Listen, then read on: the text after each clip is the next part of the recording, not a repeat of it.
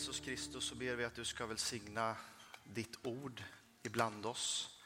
Ditt heliga ord. Jag ber att det ska få fäste i våra hjärtan, att det ska slå rot, att det ska växa till, att vi ska få mogna, vi ska få ana dig mitt ibland oss, Herre. Jag tackar dig för att du är här, närvarande. Rör dig i bänkarna, från hjärta till hjärta.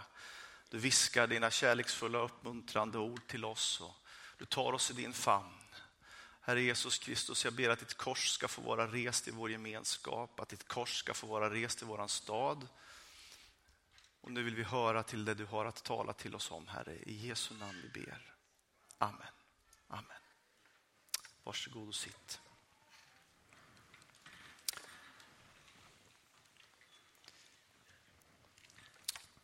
En kort bakgrund.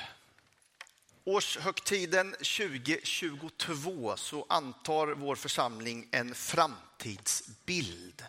Det är en grupp människor som under nästan ett års tid har samlats och i samråd med vår församlingsledning mejslat fram en positiv bild om hur framtidens kyrka i vår församling ska se ut om sådär ungefär 25 år. Eh, och under hela år 2022 sen så arbetar råden och församlingsledningen med att konkretisera den där framtidsbilden genom att göra en treårsplan. Frågan är vilka steg ska vi i vårt råd ta under perioden 2023 till 2025 för att se delar av den här framtidsbilden bli verklighet? Att vi liksom går åt det hållet. Resultatet blev att vi under de kommande tre åren vill arbeta med vårt lärjungaskap. Följ mig, säger Jesus. Och jag tror att det kommer helt rätt i tiden när vi vaknar till efter en pandemi. Eh, så tror jag att vi behöver kanske i lite högre mått än vanligt rikta blicken mot oss själva. Vad har gått förlorat under de här åren? Har jag vunnit nya insikter? Vad betyder att vara en lärjunge till Jesus Kristus år 2023? Och sen utifrån alla mål som råden tog fram så har vi mejslat fram fyra områden. Vi vill jobba med omsorg, vi vill jobba med fördjupning, vi vill jobba med tjänst och vi vill jobba med gemenskap. Så idag ska jag predika om omsorgen och fördjupningen. Och nästa vecka så ska Winnie ta sig an gemenskapen och tjänsten. För vi vill tala om det här också, med er, tillsammans med er. Eh, och hjälpa er att se det våra råd och det vår församlingsledning har sett för de här tre åren som kommer. Så, om vi börjar med fördjupningen. Hur fördjupar vi vår relation med Jesus om vi nu är hans lärjungar? Det finns många sätt att göra det och jag ska bara vidröra några idag. Ehm, och låt mig börja med det som kanske är det allra vanligaste sättet. Det som är vår bibelläsning och vår bön. Vi tror att det är viktigt att vi hjälps åt, att vi hittar vägar till att närma oss skriften, till att knäppa våra händer. Vi började året med en kort serie om två när Thomas och jag predikade om bibelordet och bönen. Gå gärna in på vår predikopodd och lyssna på det om du vill fördjupa det mer. Så här skriver vi i framtidsbilden. Kärleken till Guds ord är påtaglig. Vi läser Bibeln enskilt och gemensamt och erbjuder olika sätt att fördjupa förståelsen av Bibeln. Förkunnelsen är tidlös och samtidigt nutidsaktuell. Vi predikar tro, hopp och frälsning och andedop samtidigt som vi i Bibeln söker svar på vår tids frågor och utmaningar. Utan stadig bibelförankring så är både du och församlingen lätt att förleda. Ibland så funderar jag kring den där tiden då vi kallades för läsare. Då man visste att församlingen hade liksom levt i sin bibel i veckan, läst den noga och var insatt i berättelserna, kunde storyn och så kom man för att lyssna på predikan på söndagen. Då var det till att vara på tå som predikant. Va? Då kan man inte säga vad som helst. För då kan någon säga, hör du, eh, vänta lite, står det inte så där borta, står det inte så här? Idag får jag alldeles för lite motstånd. Jag skulle önska att ni kom till mig lite nu och då. Så, men Andreas, jag har ju läst, här står det ju så här. Vad menar du egentligen?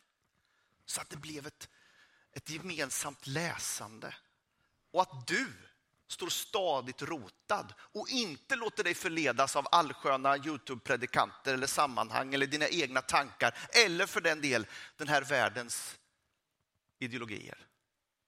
Det är så lätt och bli förledd. Så därför måste vi ha våra rötter djupt ner i den heliga skriften. Veta vad som står där.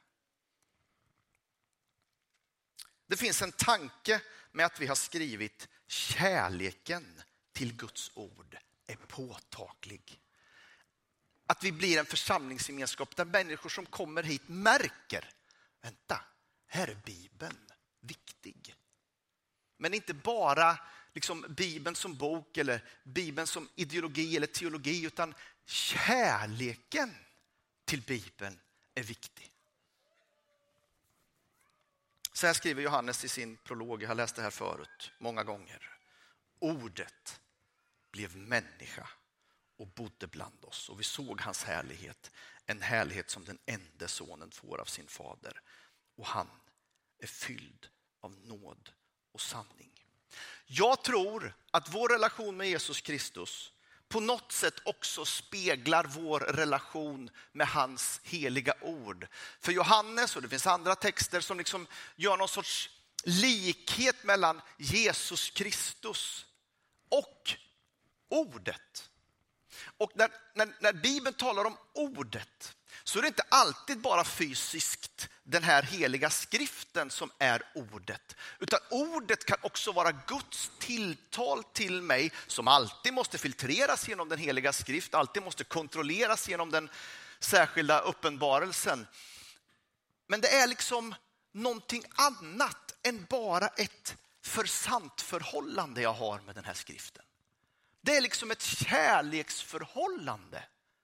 Och på samma sätt som jag har överlåtit mig åt Kristus så kommer jag till den punkten då jag överlåter mig åt den här boken. Guds heliga ord till vår tid. Jag begriper inte allt. Jag tycker att det står en hel del konstiga saker här. Jag kan till och med bli lite irriterad och undra vad är det för en Gud som finns beskriven i den här boken på vissa sidor. Men jag har ställt mig under den här skriften. För jag vet att här finns sanningen om mig. Här finns sanningen om Gud.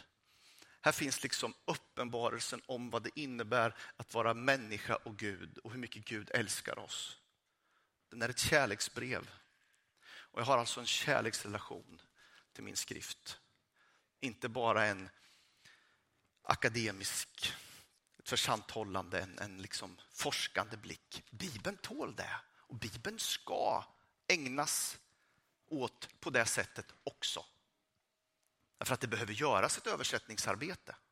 Den är skriven för så många tusen år sedan i så många olika kulturer. Den är skriven på så många olika språk, inte så många, men några olika språk. Vi behöver liksom översätta och förstå i vår tid. Men lyssna här hur Paulus uppmuntrar sin adept Timoteus i första Timoteus andra kapitel. Stå kvar med det du har lärt dig och fått visshet om. Kom ihåg vilka lärare du har haft och att du ända sedan dina barnaår är hemma i de heliga skrifterna. De förmår att ge dig den kunskap du behöver för att bli räddad genom tron på Jesus Kristus. Varje bok i skriften är inspirerad av Gud och till nytta när man undervisar, vederlägger, vägleder och fostrar till ett rättfärdigt liv. Så att den som tillhör Gud blir fri från sina brister och rustad för alla slags goda gärningar.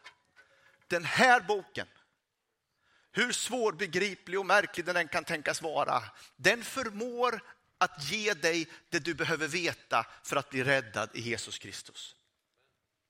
Är ni med?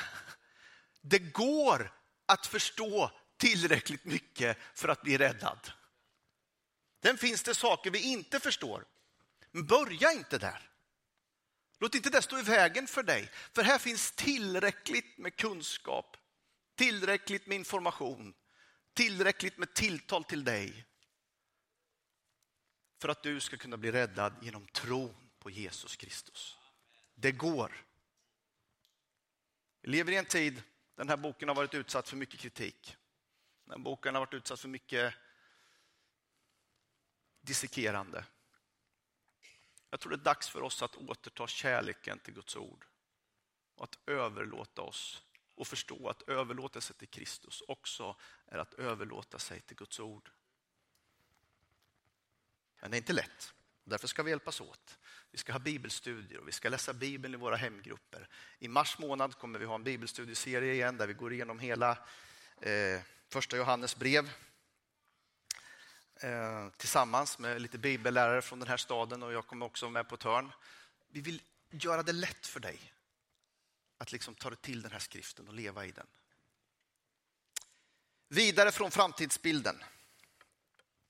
Hemgruppen spelar en central roll i församlingslivet som en viktig plats för bön och gemenskap.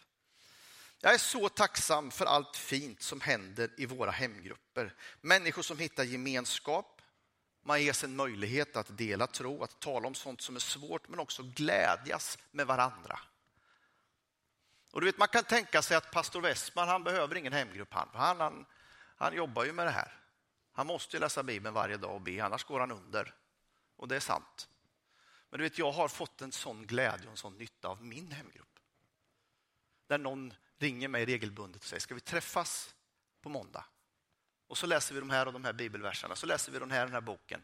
Och så samtalar vi och så ber vi tillsammans. Du vet, jag behöver den draghjälpen i mitt liv. Och så märker jag hur människor kan öppna upp sig själva och tala om det som är svårt och så får vi be tillsammans. Och så känner jag så här, här formas en plats för mig att bedja, att vara och att fördjupa min relation med Gud. Vi behöver de platserna. Att upptäcka bönen det är som att kliva in i ett, ett helt nytt landskap. Med saltaren så kan du be med livet. Du får faktiskt i din nöd be med Jesus som hänger på korset. Psalm 22.2. Min Gud, min Gud, varför har du övergivit mig? Jag ropar förtvivlat, men du är långt borta. Du får säga det när du känner så. Eller bläddra några saltarsalmer längre fram och bedja lovad vare Herren, ty han har hört min bön. Herren är min styrka, min sköld, på honom förtröstar jag. Jag fick hjälp och mitt hjärta jublar, hela min varelse tackar honom. Att läsa saltaren är att läsa med livet, att bedja med livet. Välkommen in i den världen. Att vara med Gud. Men det finns också något av ett, ett medel i striden i bönen. Jag tänker på när förföljelsen drabbar lärjungarna i Apostlagärningarna i det fjärde kapitlet. När människorna hotar församlingen och så ber, då ber lärjungarna, se nu hur de hotar oss Herre, ge din tjänare frimodighet att förkunna ditt ord. Sträck ut din hand, bota de sjuka, låt tecken underske genom den helige tjänare i Jesu namn. Alltså man gick ner på knä och man var i ett strid liksom. Nu måste det vara framgång för ditt rike. Nu måste det här ske, nu måste det bli ett genombrott, kom igen.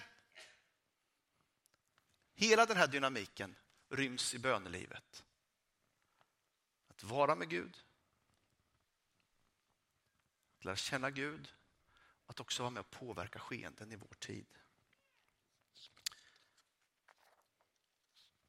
Så här skriver vi om våra gudstjänster. Ytterligare ett område för fördjupning om du vill lära känna Kristus bättre. Kom och fira gudstjänst. Så här skriver vi. På söndagen möts vi för en gemensam stor Jesus-centrerad gudstjänst. Tillbedjan och gemenskap samlar och ger kraft. Vi har ett rikt och brett sång och musikliv som speglar församlingen väl. Våra gudstjänster präglas av glädje, hopp, innerlighet och förundran. Vi är öppna för den heliga anden och vår förbönsplats är välbesökt av människor som söker Gud till frälsning, styrka och vägledning. Jag tycker det är lite svårt att förklara för mina vänner vad jag är med om på söndagen när jag firar gudstjänst. Varför går du dit? Vad är det som, är som styr din kosa till, till kyrkan varje söndag? Varför är du här idag? Vad är det du längtar efter när du kommer hit? Det är en mötesplats. Det är en mötesplats mellan människor såklart, men också en mötesplats där Gud kan möta oss på olika sätt. En plats för uppbyggnad, en plats för vägledning och en plats för förundrad. Att möta det som inte alltid kan dissekeras, analyseras eller helt och fullt begripas. Men likväl upplevas. Du kan få möta Gud. Du kan få möta Gud. Hur märkvärdigt är inte det? Du kan få möta Gud. Och vi behöver det. Du behöver det, jag behöver det. Och vi har ansträngt oss för att det där ska kunna ske. Vi kan inte liksom mickla med Gud. Vi kan inte trolla fram hans närvaro. Han är alltid närvarande. Däremot kan vi hjälpa varann. Söka honom. Idag har vi en ny förbönsplats och jag hoppas att det här arrangemanget ska på något sätt tala till dig om den omsorg som finns om dig bland våra förebedjare. Man vill att du ska känna dig trygg, att du ska komma med dina behov, med dina glädjeämnen, med dina tacksägelseämnen, det som är ditt liv. Och så vill man hjälpa dig i förbön med allt mellan himmel och jord. Så har vi berett ett rum för det. Vi bereder rum för olika saker. Vi äter lunch tillsammans, vi bereder rum för gemenskap. Vi bereder rum för glädje, vi bereder rum för Gud. Efter pandemin så går vi ungefär en tredjedel mindre till biograferna. Och det må ju vara hänt. Men vi går också en tredjedel mindre till våra gudstjänster. Vi räknade in 300 en bra söndag innan pandemin. Och nu räknar vi in 200 en bra söndag. Och jag håller fast vid att jag tänker att det där är, det är gudstjänstbesök, inte gudstjänstbesökare. Vi la till med en annan rytm och en och annan har liksom slutat att gå på gudstjänst. Det är så. Och då tänker jag på när Paulus säger att vi är Kristi kropp. Och han ber för församlingen. Och jag tycker det är en så vacker bön i Efesierbrevet 3, 14-21. Jag önskar att vi kan be den för oss själva. Att det finns de som ber på det här sättet för oss. Därför vill jag falla på knä för Fadern, säger Paulus, efter vilken allt vad Fader heter i himlen och på jorden har sitt namn. Måtte han i sin härlighets rikedom ge kraft och styrka åt er inre människa genom sin ande. Ge kraft och styrka åt din inre människa med din, sin ande. Det behöver jag. Så att Kristus genom tron kan bo i era hjärtan med kärlek. Stå fasta. Var stadigt rotade i honom så att ni tillsammans med alla de heliga förmår fatta bredden och längden och höjden och djupet och lära känna Kristi kärlek som är väldigare än all kunskap tills hela Guds fullhet uppfyller er. Han som verkar i oss med sin kraft och förmår göra långt mer än vi kan begära eller tänka. Hans är härligheten genom kyrkan och genom Jesus Kristus i alla släktled i evigheters evighet. Amen. Jag tror tillsammans med dig. Och när du inte är här så saknas något. När jag inte är här så saknas något. Därför att vi tror tillsammans. Och uppdraget att liksom låta hela Guds fullhet uppfylla oss, det är, det, är ingen lätt, det är ingen lätt utmaning vi får av Paulus. Och därför behövs du. Din tro som du bär hit, den behövs. Din glädje som du bär hit, den behövs. Din omsorg om någon vid lunchbordet, den behövs. Du behöver Gud. Du behöver det här rummet. Vi förstår tillsammans. Jag förstår inte allt. Jag behöver dina funderingar kring tro. Och du behöver mina. Varmt välkommen att fira gudstjänst. Och min utmaning är, gör det lite oftare. Jag tror att du behöver det.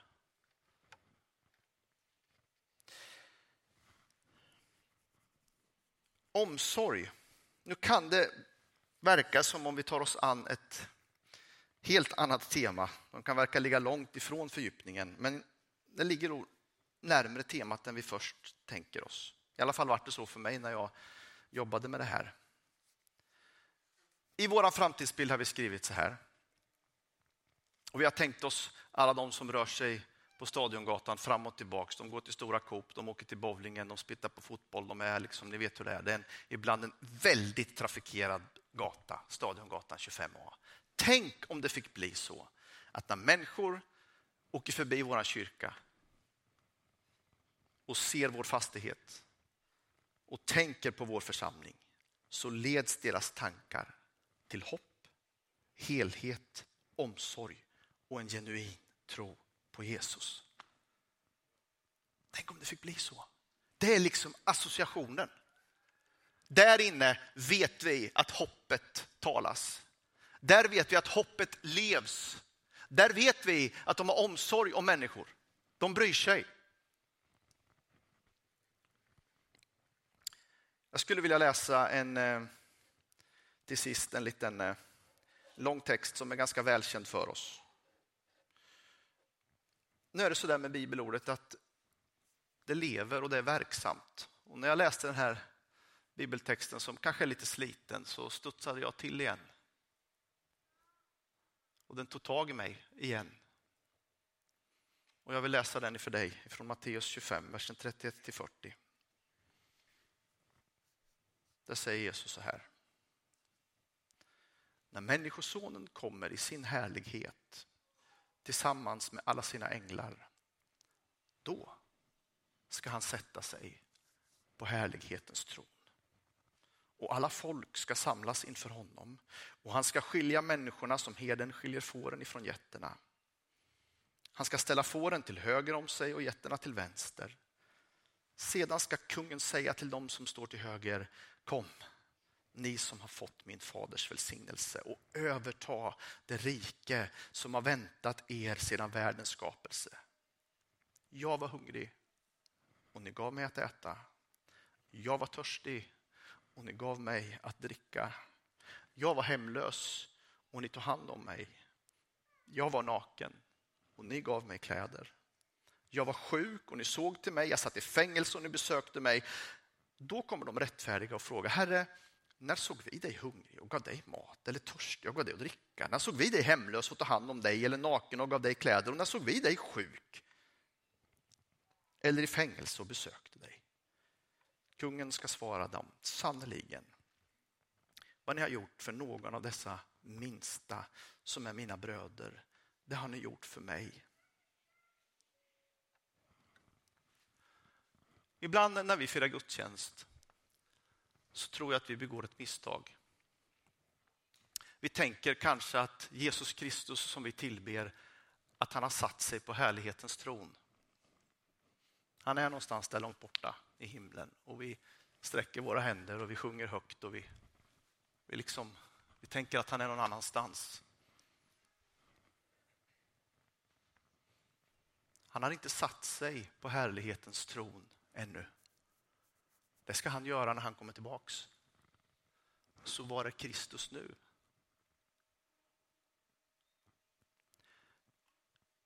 När jag ser de här bilderna ifrån Turkiet och ifrån Syrien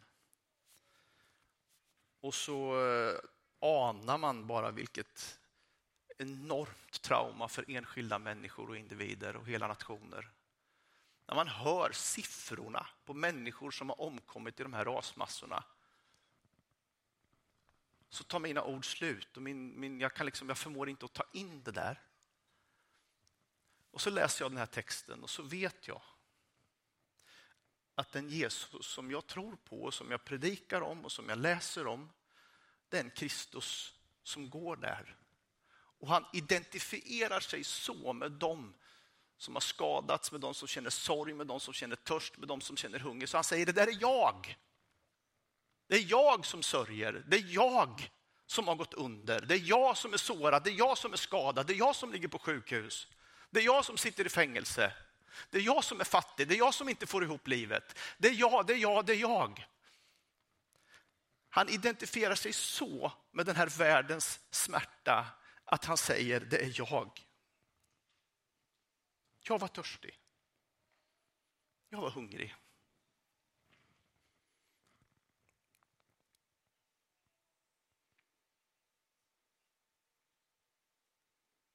Så Jesus har inte satt sig på härlighetens tron ännu. Han ska göra det en dag.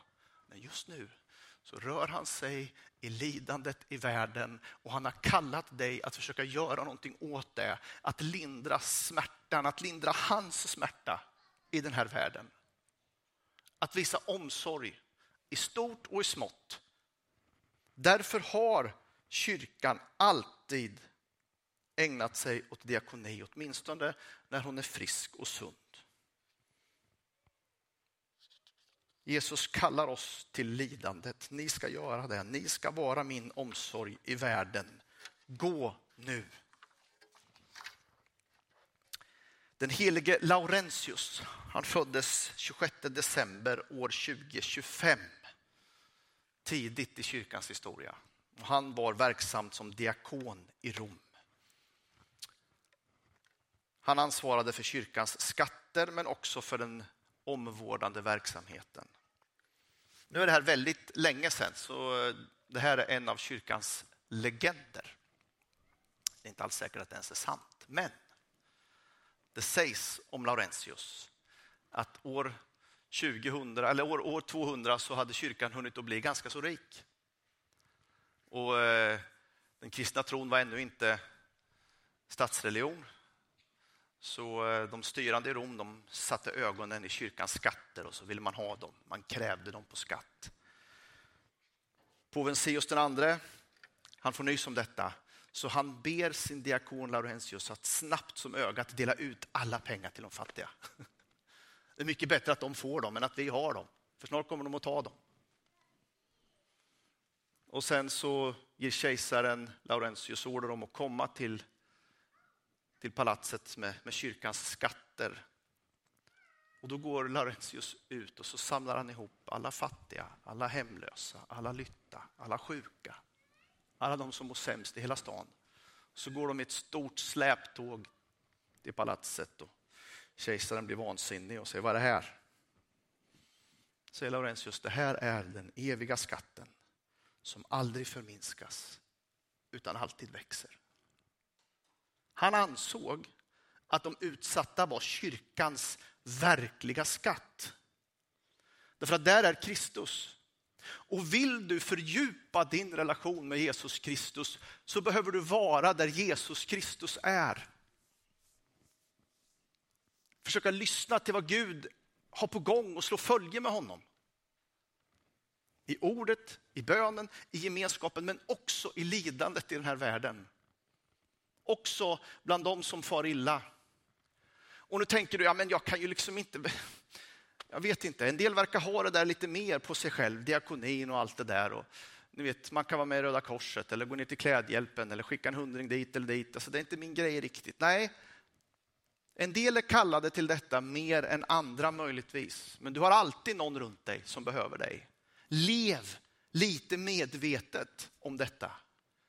Rör dig medvetet i din vardag och du kommer upptäcka någon som behöver någon att lyssna till, att tala med eller som behöver hjälp ekonomiskt eller som, som behöver någonting bara och du ska vara Kristi kropp där. Och det kommer att fördjupa din relation med Jesus Kristus. Därför att det behoven är i världen, där är han. Det är han. Tänk vilken nåd att få vara med. Du kan göra det här organiserat genom att vara volontär i Klädhjälpen eller hos någon annan hjälporganisation i Malmö. Eller också så gör du det i din vardag. Men lev medvetet med ett öga och ett öra mot din omgivning. Jag lovar dig att det kommer dyka upp personer som behöver din stöttning och din hjälp, oavsett vem du är. Och Jesus räknar med alla. Han ställer sig i templet och pekar på den fattiga änkan som ger två kopparmynt. Mycket mindre än alla de andra och han säger hon har gett mest. Du kanske inte har några resurser, du kanske inte har en tid, du kanske definierar dig själv som, som utsatt. Och du kan alltid vara med och ge. Du kan alltid vara med och ge. Kom med till vår klädhjälp och så sitter du vilka som är volontärer där, vilka som hjälper till. Det är de som själva har fått hjälp. Och som vill vara med och hjälpa och ge. Alla kan vara med. Vi ställer oss upp.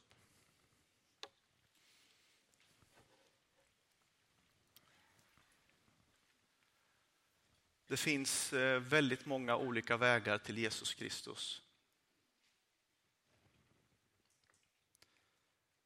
Och jag har egentligen bara velat säga en enda sak idag. Kom till Jesus. Kom till Jesus. Träng dig fram. Det finns mängder med olika vägar till honom. Vägar att lära sig vandra över tid. Det finns alltid upptrampade stigar som de kristna har gått i årtusenden. Vandra de stigarna. Men så finns det någonting väldigt, väldigt härligt med Jesus. Han är aldrig långt borta från någon enda av oss. Aldrig. Det här med fördjupning, det kanske du behöver för att du ska mogna som människa och lära känna dig mer. Men Jesus Kristus, han är alltid där. Och allt du behöver veta om honom, det finns här. liksom finns inte olika nivåer, att en del är djupare än den andra och andra är andligare än andra. Det handlar inte om det. Det handlar om, om vem du är som människa. Och han hasar dig i hälarna. Du kan tro och tänka att Jesus är långt borta, men han hasar dig i hälarna. Han, vill så gärna vara med dig. Han vill så gärna lyssna till ditt hjärta, vara en del av din vardag, vara en del av ditt liv. Så när du vänder dig om så är han där med sina faders armar och kramar om dig. Aldrig långt borta. Och nu ska vi be.